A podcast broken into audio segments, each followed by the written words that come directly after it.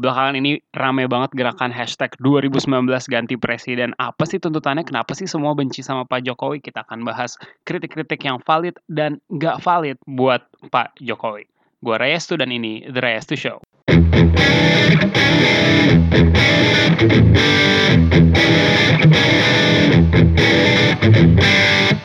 Belakangan ini kalau kita perhatiin di sosial media atau mungkin di grup WhatsApp atau di teman-teman kita hanya ada dua tipe orang kelihatannya.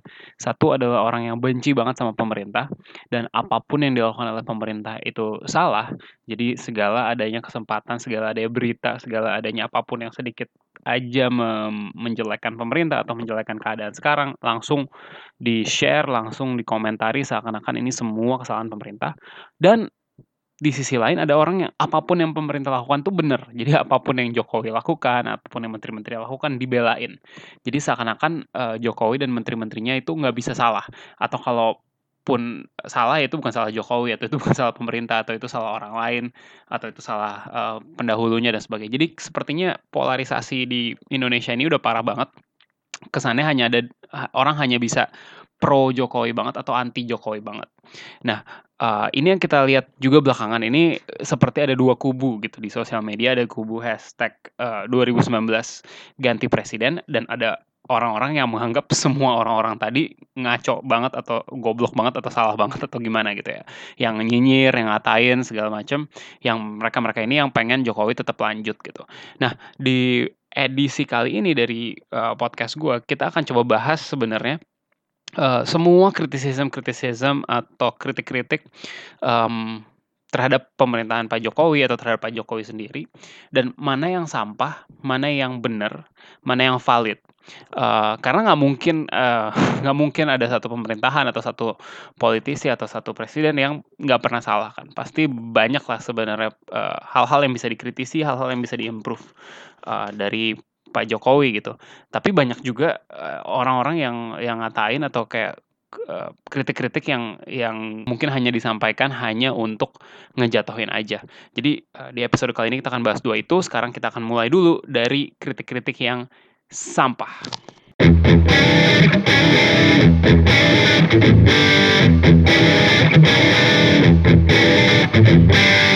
Jadi yang pertama paling sering banget dibahas selama beberapa lama belakangan ini adalah hutang. Jadi katanya Indonesia darurat hutang. Nah, menurut gue ini narasi yang paling ya paling sampah sih. Kenapa? Karena uh, sebenarnya bisa dibahas dengan lebih uh, pinter gitu ya. Tapi kalau lu lihat sekarang, uh, semua orang yang menggunakan narasi Indonesia darurat hutang terhadap Presiden Jokowi ini sebagian besar bilangnya adalah begini, uh, kita darurat hutang, hutang kita udah sampai hampir 5.000 triliun. Uh, artinya kira-kira seorang Indonesia satu orang Indonesia itu berhutang sekitar uh, 20 juta rupiah uh, kepada negara asing. Gimana kapan lo mau bayar tuh utang gitu kan. Padahal di mana-mana yang namanya hutang uh, pemerintah gitu selalu dibandingkan terhadap uh, PDB. Di mana Indonesia ini masih sangat uh, rendah sekali dibandingkan negara-negara lain. Jadi uh, rasio hutang terhadap PDB kita itu sekarang di 28%. Ya memang naik dari uh, ketika sebelum Jokowi um, berkuasa itu Eh, rasio hutang terhadap PDB kita masih di 25%. Tapi ini masih angka yang sangat rendah banget kalau kita bandingkan dengan uh, negara-negara lain. Uh, kayak Jepang itu rasio hutang terhadap PDB-nya udah lebih dari 200%. Um, Singapura juga begitu, Amerika juga begitu. Um, sementara kita masih sangat rendah sekali, masih di uh, 28% gitu ya. Nah, ini analoginya gini, misalnya kita seorang pengusaha gitu, kita punya utang 10 juta rupiah, tapi omset usaha kita 100 juta, sama ada uh, pengusaha lain yang utangnya 50 juta, tapi omsetnya dia 2 miliar. Nah, uh, hutangnya yang lebih gede yang mana gitu. Kalau kita bicara nominal, jelas yang lebih gede uh, adalah yang punya hutang 50 juta. Tapi kan tentu kita bandingkannya dengan uh, kemampuan dia membayarnya nanti gitu. Which is um, pasti jauh lebih uh, jauh lebih aman yang punya omset 2 miliar dengan hutang 50 juta. Nah, terus juga hutang yang rendah itu nggak selalu bagus. Justru ada potensi yang nggak uh, dimanfaatkan kalau uh, kita ngutangnya terlalu sedikit gitu. Padahal kita kan ceritanya baru masuk investment grade nih di berbagai uh, kalau nggak salah di Moody's ya baru naik ke investment grade Standard Poor's sudah beberapa lama yang lalu. Jadi kita udah bisa berhutang dengan lebih murah bu, uh, bayar bunganya harusnya. Kita bisa issue um, government bonds atau surat utang negara yang lebih murah bunganya justru harusnya digunakan sebaik-baiknya gitu. Harusnya yang jadi perdebatan bukan apakah kita boleh berhutang, tapi penggunaannya untuk apa? Apakah penggunaannya itu untuk hal yang uh, sekali pakai habis nggak ada manfaatnya kayak subsidi BBM seperti kita berhutang di uh, era sebelumnya era SBY atau hutangnya dipakai untuk infrastruktur infrastruktur gitu misalnya. Nah ini harus diperdebatkan apa benar hutangnya dipakai untuk infrastruktur apa benar uh, penggunaan hutangnya di era Jokowi lebih baik. Harusnya debatnya di sini bukan di level uh, Jokowi udah hutang terlalu banyak dan orang Indonesia udah uh, berhutang 25 juta ke negara asing. Jadi kalau mau debatnya lebih baik itu di situ atau kalau memang mau bahas apakah kita kebanyakan berhutang jangan dibilang uh, jangan dibahas dari sisi nominalnya tapi dibahas dari sisi um, gimana sih sekarang defisit kita dibandingkan dengan pendapatan pajak misalnya. Iya mungkin PDB kita besar, uh, hutang kita masih kecil terhadap PDB, tapi uh, dari kemampuan kita mendapatkan pajak dari PDB itu gimana sih sekarang tax revenue kita apakah udah udah bagus? Kayaknya sepertinya belum gitu. Nah, debatkan di situ gitu. Atau bagaimana debt service ratio kita gitu, pembayaran hutang uh, dan prinsipal hutang kita uh, sorry pembayaran uh, hut, pokok dan bunga hutang kita terhadap uh, pendapatan ekspor setiap tahunnya misalnya atau uh, pembayaran hutang dan pok, uh, bunga dan bunga dan pokok hutang terhadap uh, total belanja negara misalnya itu yang harusnya dibahas uh, itu di situ kalau memang kebesaran ya di situ dilihatnya bukan di level uh, nominalnya ini satu tentang Indonesia darurat hutang. Terus yang paling belakangan lagi hangat-hangatnya ini adalah nilai tukar rupiah yang sekarang udah menyentuh 14 ribu gitu kan. Ini rame banget tiba-tiba gitu kan. Kesannya kayak semua ini salah pemerintah bahwa rupiah bisa turun jeblok ke 14 eh, gitu. Sebenarnya kenapa sih rupiah bisa naik ke 14 ribu? Sebenarnya alasan utamanya eh, faktor eksternal gitu. Uh, the Fed atau bank sentralnya Amerika Serikat naikin suku bunga, suku bunga dan rencananya dia akan naikin empat kali sepanjang tahun ini. Nah, konsep internasional, eh, eh, salah satu konsep ekonomi internasional yang dasar juga, kalau tingkat bunga di luar negeri naik, udah pasti ada tekanan pelemahan mata uang lokal. Kenapa? Karena uang yang berada di Indonesia akan ditarik keluar untuk mendapatkan return yang lebih tinggi di luar negeri gitu. Jadi kalau bayangin lo ada seorang investor yang taruh duit di Indonesia, lo berharap dapat return sekian persen di Indonesia, tapi lo tahu bahwa di negara asal lo tingkat bunganya udah naik dan lo bisa dapat return yang lebih tinggi di sana, ya lo akan tarik uang lo dari luar dan uh, pindahkan ke uh, negara lu sendiri. Dan ketika itu terjadi, ketika ada capital outflow dari satu negara, tentu ada tekanan pelemahan mata uangnya, gitu. Uh, dan ini terjadi ke semua mata uang. Jadi uh, dolar itu menguat terhadap semua mata uang ketika The Fed bilang dia akan naikkan suku bunganya dia sendiri. Dan uh, banyak juga yang melemah uh, lebih parah dari rupiah. Ya tentu kita nggak terlalu perlu bahas siapa sih sebenarnya yang melemah paling parah karena itu nggak nggak penting juga gitu.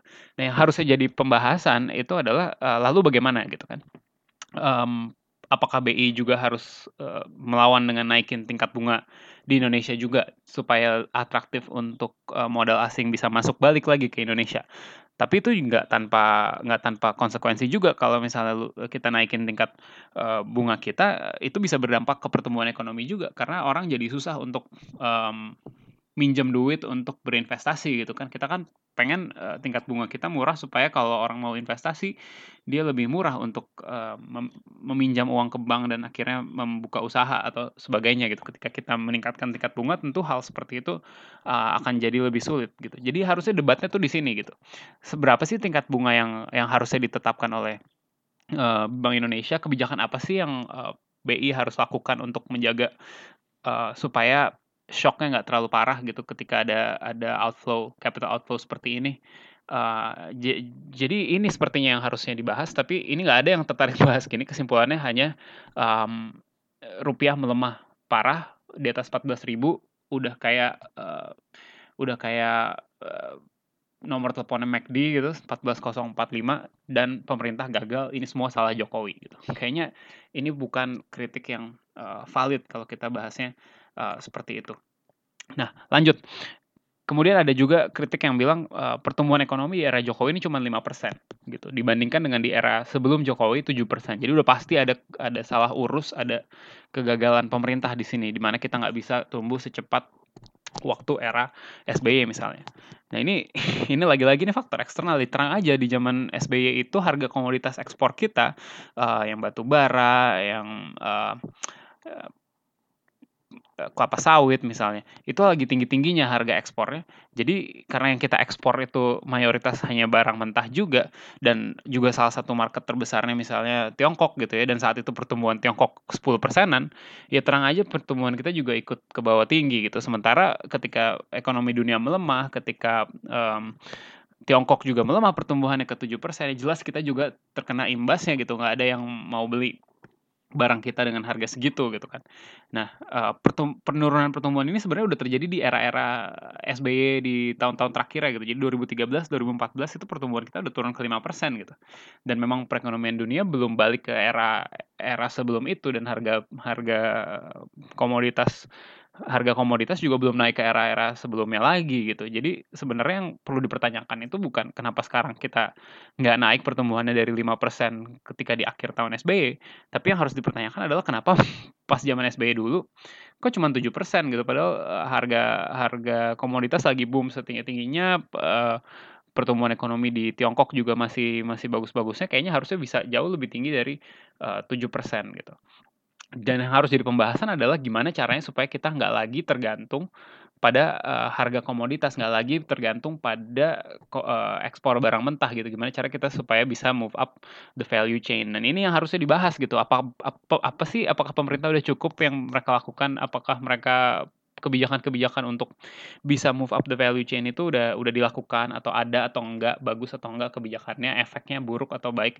segala macam. Tapi bukan sebatas ah, pasti salah urus nih karena pertumbuhannya nggak sebagus dulu gitu. Banyak faktor yang mempengaruhi pertumbuhan dan uh, apakah kita udah melakukan hal yang benar itu yang harus dibahas gitu kan bukan semata-mata dia pasti uh, salah urus ketika uh, pertumbuhannya hanya 5%. Lanjut uh, isu lain adalah katanya Jokowi itu banyak banget janji yang nggak ditepatin. Jadi intinya ini di framingnya tuh kesannya adalah Pak Jokowi ini nggak nggak amanat penipu, pembohong, tukang ngibul, banyak janji yang nggak ditepati gitu.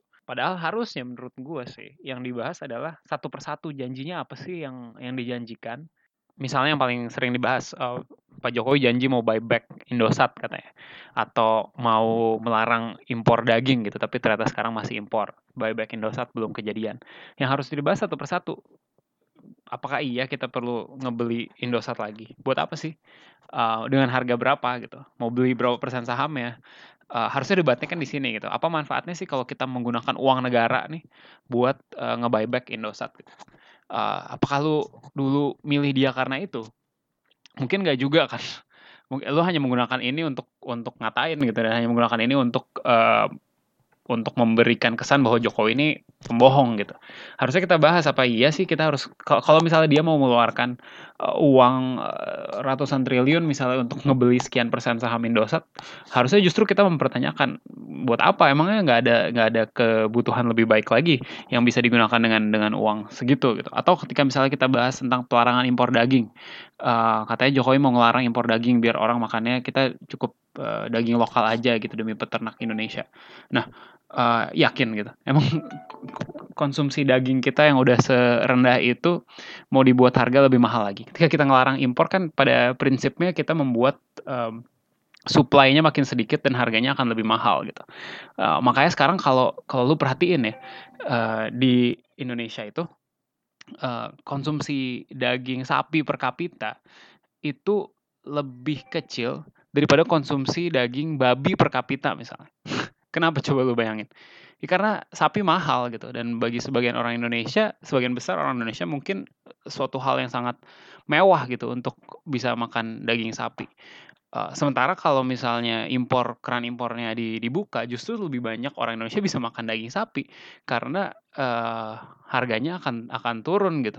Ini aneh banget, 80 sekian persen nggak nggak makan babi tapi uh, konsumsi per kapita bisa lebih gede dari konsumsi sapi. Karena uh, harga sapi yang terlalu mahal karena kita uh, su suka nggak buka keran impor atau kita mempersulit impor terhadap daging sapi justru harusnya dibuka aja sebagus-bagusnya. Jadi gue sih senang-senang aja Jokowi nggak menepati janji itu karena kalau ditepati bisa lebih mahal lagi daging sapi dan dan uh, gizi orang Indonesia bisa makin buruk lagi. Justru kita harus harus mikirnya ke arah situ gitu. Uh, janjinya apa eh, nggak uh, ditepati bagus atau buruk. Jangan kesannya ada sekian banyak janji yang mungkin semuanya populis, terus nggak uh, ditepati mungkin karena sekarang dia udah tahu gitu bahwa ini sebenarnya janji yang buruk. Terus kita tetap ngatain simply karena dia nggak tepatin janji juga. Padahal kita juga nggak tahu lu sebenarnya maunya gimana gitu. Kalau lu uh, yang berkuasa lu akan melakukan itu atau enggak gitu. Mungkin kan juga enggak. Gitu. Oke, okay. uh, lanjut lagi nih ya Uh, ini yang yang agak agak baru nih tentang racun kalajengking ini. Ini udah ini aneh banget sih ini parah banget. Jadi heboh banget uh, dibilang bahwa Jokowi itu menyuruh rakyat Indonesia tuh ternak kalajengking aja. Karena katanya uh, kalajengking racun kalajengking itu uh, hal yang mahal banget gitu substance yang paling mahal di dunia gitu. Dan dan ini ramai banget. Bahkan uh, Gerindra bikin skit gitu di Twitter. Ini gue sempet sempet di diserang orang-orang Gerindra gitu karena gue ngatain skit ini jadi dia bikin skit um, kayak ada orang nanya, "Eh, kamu lagi ngapain?" "Oh, aku lagi nyari kalajengking nih disuruh sama Pak Jokowi," gitu. ini ini goblok banget. Kenapa ini goblok banget? Karena gini, kalau lu simply rewind aja tape-nya uh, atau vid footage-nya videonya Pak Jokowi ngomong gitu, yang dia bilang tuh gini sebenarnya. Uh, komoditas paling berharga di dunia itu sekarang bukan emas, tapi racun kalajengking, ya kan? Uh, dan ini benar gitu, sebenarnya ini satu hal yang benar. Tapi daripada itu semua tetap lebih berharga lagi adalah waktu. Jadi kalian jangan buang-buang waktu. Ini kan sebenarnya Pak Jokowi lagi mau apa ya? Mau inspiratif gitu ya, mau kayak sok Mario Teguh lah. Uh, yang paling berharga itu waktu, lo harus jangan buang-buang waktu. Uh, instead ya orang malah nangkepnya adalah Pak Jokowi nyuruh kita uh, ternak racun kalajengking. ini ironis banget Pak Jokowi lagi ngasih tahu kita supaya jangan buang-buang waktu akhirnya kita malah buang-buang waktu dengan uh, me, me, menarik kata-kata dia out of context dan jauh banget nih kayak seakan-akan lu narik dari konteksnya dan melempar jauh-jauh gitu. bener-bener ngaco banget Oke dan itu mas sebenarnya masih banyak lagi ya uh, kritik-kritik yang sampah gitu yang kalau tadi sebenarnya masih ada masih ada meritnya dikit lah uh, berbagai hal yang tadi barusan gue bahas. Tapi ada banyak lagi kritik-kritik yang sampah. Oh misalnya uh, Pak Jokowi bahasa Inggrisnya jelek gitu malu gitu kan. Bahasa Inggrisnya Pak Jokowi medok nggak bagus gitu bagusan bahasa Inggrisnya Prabowo Padahal sebenarnya normal-normal aja, biasa-biasa aja bahasa Inggris Pak Jokowi bagus-bagus aja. Gue yakin dibandingkan 80% rakyat Indonesia bahasa Inggris Pak Jokowi masih lebih bagus, masih lebih lancar, dan masih lebih berani gitu kan. Paling penting ngomong Inggris kan itu yang penting lu berani ngomong dulu. Tapi sebenarnya kalau lu pikir-pikir pemimpin dunia besar yang lain yang mana sih yang bahasa Inggrisnya bagus selain yang memang negaranya ngomong bahasa Inggris gitu ya lu nggak usah sebut Donald Trump nggak usah sebut uh, Theresa May nggak usah sebut uh, Lee Hsien Loong nggak usah sebut Najib oke Mahathir mungkin ya uh, lu coba sebut Vladimir Putin, lu sebut Xi Jinping, lu sebut Shinzo Abe, lu sebut Angela Merkel, ada nggak lu pernah dengar mereka ngomong bahasa Inggris? Pernah dengar nggak? Gue sih nggak pernah ya, gue cari di YouTube pun agak susah gitu, uh, Merkel speaking English ya mungkin ada satu dua kalimat, atau gimana. Pernah nggak denger Pak Harto ngomong bahasa Inggris? Nggak pernah kan? Dan nggak apa-apa gitu, biasa-biasa aja. Dan dan mungkin ini juga suatu masukan kali ya ke Pak Jokowi, udahlah kita pakai penerjemah aja, nggak apa-apa kok semua pemimpin dunia yang lain juga pakai penerjemah, uh, bahasa Inggris yang kurang kurang fluent itu harusnya nggak nggak menjadi isu gitu. Tapi ini malah malah dibahas banget sama banyak orang. Terus apa lagi? Petugas partai ya Allah. Hari gini masih aja uh, ada bahasan-bahasan petugas partai gitu. Terus uh, kemarin ada lagi uh, Jokowi anti Islam katanya. Ulama didiskriminasi di dikriminalisasi oleh Pak Jokowi. Aduh. Aduh ini yang kayak gini-gini mungkin udah males juga kita bahas ya. Karena saking sampahnya klaim-klaim uh, atau kritik-kritik seperti ini. Amin Rais misalnya bilang, oh, wah Pak Jokowi atau oh enggak dia specifically nggak ke Pak Jokowi tapi mungkin ke rezim ya uh, jangan pilih rezim yang didukung oleh partai setan gitu pilihlah yang didukung oleh partai Allah misalnya yang kayak gini-gini mungkin nggak even perlu kita bahas ya tapi ini lo harus paham aja kalau ini semua tuh mungkin adalah suatu kritik-kritik yang yang nggak valid gitu. Kalau mau valid tadi gue udah memberikan beberapa saran gitu ya buat kaum oposisi kalau mau valid dalam menyerang uh, isu hutang gimana, isu dolar gimana, isu pertumbuhan gimana, uh, isu apalagi bahasa Inggris gimana, yang lebih valid gitu. Kalau bisa lebih bagus dikit nyerangnya. Uh, itu sih kalau tentang isu-isu kritik-kritik yang nggak valid. Nah, sekarang gue mau lanjut untuk bahas kritik-kritik yang valid terhadap Pak Jokowi.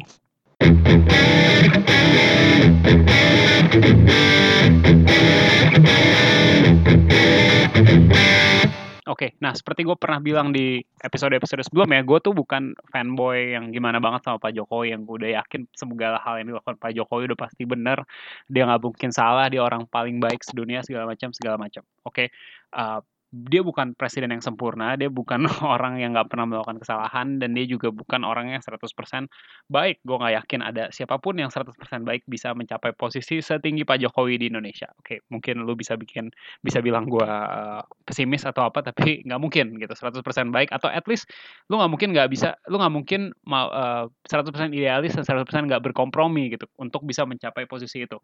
Jadi uh, sekarang gue akan bahas beberapa hal-hal yang menurut gue patut dikritisi uh, terhadap pemerintahannya Pak Jokowi gitu. Oke, ada beberapa hal nih.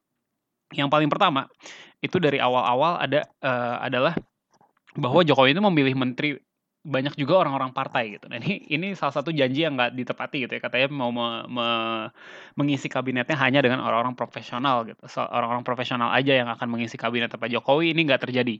Jadi uh, dia ini ada jadi orang partai itu ada 18 orang sekarang, uh, orang partai dan 27 orang non partai gitu. Ini 18 dibanding 27 ini suatu proporsi yang cukup banyak gitu dibanding kalau dulu kes, uh, awalnya kesannya maunya uh, hanya orang profesional aja.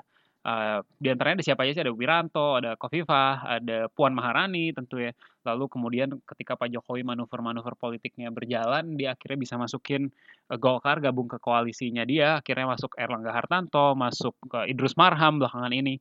Dan juga pas di awal-awal itu uh, Budi Gunawan yang kita ingat ramai banget mau dijadiin Kapolri, tapi akhirnya karena backlash luar biasa dari masyarakat gitu, akhirnya dia nggak jadi jadi Kapolri, dia akhirnya jadi apa? Wakapolri ya. Terus sekarang jadi kepala BIN gitu. Nah, um, sorry Budi Gunawan bukan orang partai, tapi tentu uh, ini uh, banyak yang yang nggak suka juga lah gitu uh, dengan pemilihan yang kayaknya nggak nggak terlalu berbasis uh, profesionalitas gitu.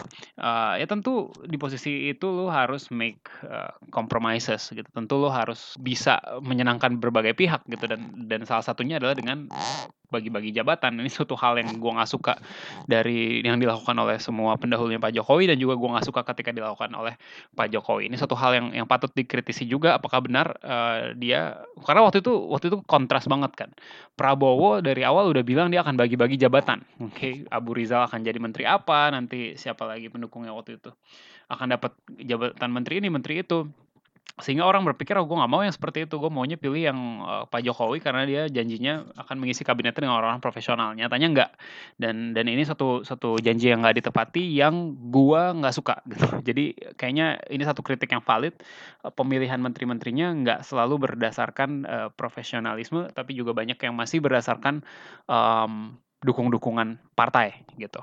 Kemudian uh, ketika kita bahas menteri-menterinya banyak banget menteri-menteri Pak Jokowi yang blunder, yang pernah bikin blunder gitu ya. Um, mulai dari UU MD3 ini uh, inisiatifnya siapa? Mendagri kalau nggak salah ya. Ini satu hal yang juga kita sebel banget dulu sama koalisi Merah Putih ketika masih ada di awal-awal pemerintahan Pak Jokowi dia mau bikin UU MD3 gitu. Uh, di mana kalau misalnya kita ngatain orang DPR kita bisa kena gitu atau orang DPR ada ada sedikit nggak um, bisa semudah itu dituntut misalnya. Itu kita nggak suka dan akhirnya ternyata toh menterinya Pak Jokowi sendiri yang ma yang majuin gitu. Terus siapa lagi? Rini Sumarno. Ya kemarin ada ada blunder apa ya dia? Oh ada uh, pembicaraannya yang yang leak gitu ya pembicaraan nama direktur PLN kayak gitu gitu lah ini kayak bener-bener merusak kredibilitasnya Pak Jokowi. Oh Mendagri juga pernah um, mengusulkan gimana kalau kepala daerah selama pilkada itu uh, saat kepala daerahnya ikutan pilkada lagi dan dia harus nonaktif yang gantiin dari polisi aja. Ini kenapa sih harus harus ngasih usul-usul kayak gini? Ini kayaknya sangat me, me, menurunkan kredibilitas gitu. Kenapa sih orang-orangnya Pak Jokowi kok kayak gini gitu.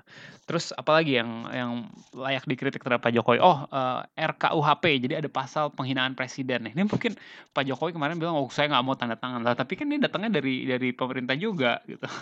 datangnya dari dari pemerintah juga mungkin dari salah satu menterinya dia dan di Indonesia kan mau tanda tangan nggak ditanda tangan undang-undang akan tetap jadi undang-undang gitu. Ini bukan kayak di di luar di Amerika atau di mana gitu. Undang-undang undang-undang ya mau mau ditandatangan atau enggak sama presiden tetap sah gitu. Dan kenapa ini datang dari awal kenapa nggak dari awal ketika masih jadi pembahasan udah kita tentang kan kan kentang juga gitu.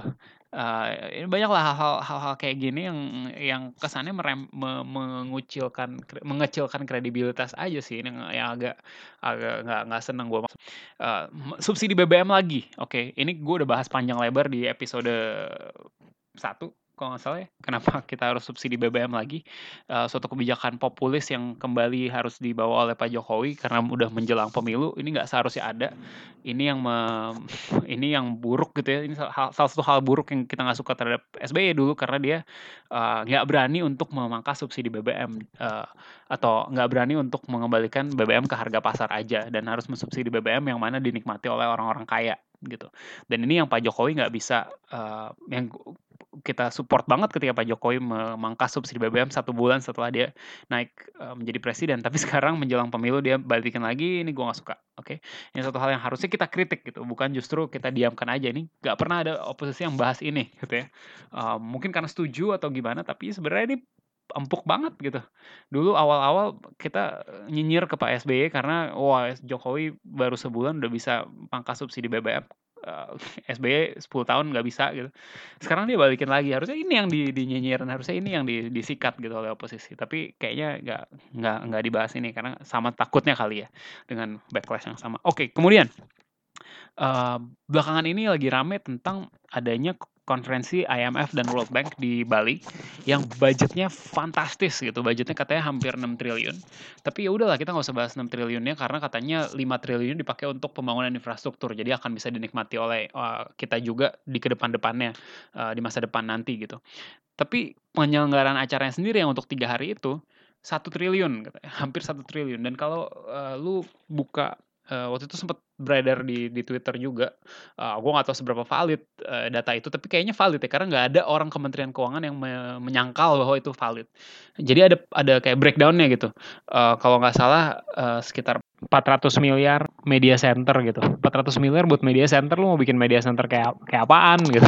Terus ada IP, IP infrastructure katanya 60 miliar atau 80 miliar gitu wah fantastis deh macam-macam gitu. anggaran-anggarannya. Again ini mungkin baru pagu ya. Mungkin realisasinya nggak segitu. Tapi kok kayaknya eksesif banget uang segitu itu. Uang segitu itu sekitar satu per enamnya dari uh, budget iktp loh. Budget iktp cuma 5 triliun gitu. Ini 800 miliar untuk acara tiga hari doang yang uh, belum belum ada sih sebenarnya uh, penjelasan secara resmi. Ini acara buat apa? Untungnya buat kita apa?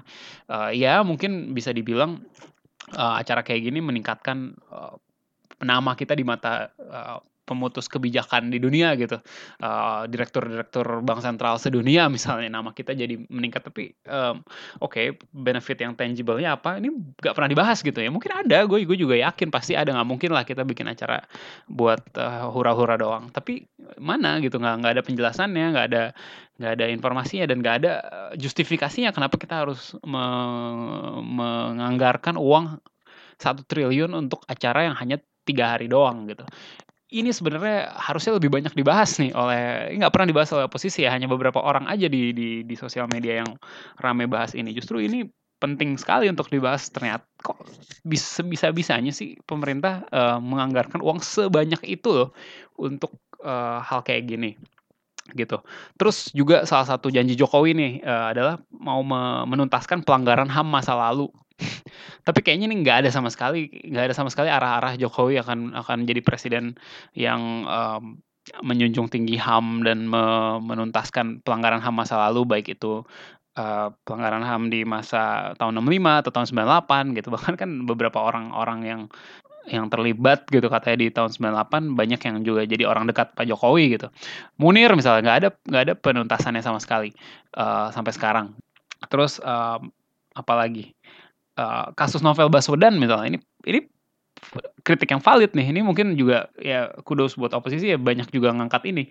Kritik yang valid nggak ada kayak polisi seakan nggak nggak nggak semangat nggak nggak semangat nuntasin kasusnya gitu udah setahun lebih kan penyerangan terhadap Novel Baswedan dan kayaknya nggak belum ketangkep juga siapa uh, tersangkanya segala macam. Ini ini justru kritik-kritik kayak gini yang harusnya lebih banyak di blow up, tapi uh, sebagian besar dari oposisi dan dari pendukung gerakan 2019 ganti presiden malah lebih banyak fokus di hal-hal yang tadi gue bilang sampah gitu. Jadi kalau lu adalah seorang oposisi dan lu nggak pengen Pak Jokowi terpilih lagi, harusnya lu dengerin gue dan kritik-kritik yang valid ini yang lebih banyak lu lu uh, prop up gitu dibandingkan kritik-kritik yang yang tadi sebelumnya gitu. Um, Oke, okay, ini udah kelamaan sih gue udah hampir 30 menit ya gue ngomong. Ya udah itu sih sebenarnya uh, dari uh, moga-moga ada ada manfaatnya di podcast hari ini. Kalau lu adalah orang yang uh, mendukung Pak Jokowi, lu harus juga kritis terhadap hal-hal yang yang memang sebenarnya salah gitu.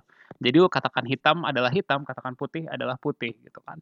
Uh, tapi juga kalau lu orang yang anti sama Pak Jokowi, lu mikir dulu baru baru kritik gitu. Lu jangan asal asal ngikutin apa yang di broadcast di WhatsApp gitu bahwa oh seorang Indonesia 25 juta utang terhadap uh, orang asing asing dan siapa gitu. Lu pikir dulu valid nggak sih ini kritikan ini gitu. Kalau gue mau kritik, lu kritik yang benar dan solusinya apa gitu. Da, uh, apa harusnya gimana gitu. Harus lu harus harus banyak ke arah situ sih sebenarnya menurut gua. Uh, not sure that's a good strategy sebenarnya kalau secara politik mungkin jauh lebih bagus sih simply kata-katain aja dengan segala kemungkinan yang lu bisa. Tapi ya kalau demokrasi kita mau lebih bagus dikit ya harus sedikit lebih pinter lah. Harus sedikit uh, go one step further kayak apa sih seharusnya gimana gitu? Kalau gua presidennya gua akan melakukan apa? Uh, atau orang yang gua dukung harus yang seperti apa kayak gitu sih sebenarnya uh, tujuan gue uh, dengan podcast hari ini. Oke, okay, udah kelamaan uh, sampai sini aja. Moga-moga suka. Kalau ada, uh, gue yakin banget pasti banyak yang gak setuju sama gue uh, berbagai poin yang gue sampaikan hari ini. Sampaikan aja di comment section atau tweet aja gue di Twitter @rayastu gitu. Atau kata-katain aja terserah atau di comment section lo mau mau mau ngata-ngatain gue juga nggak apa-apa atau mau menyampaikan kritik yang bagus lebih bagus lagi. Oke, okay? um, gue Rayastu dan ini The to Show. Sampai jumpa lagi di episode berikutnya.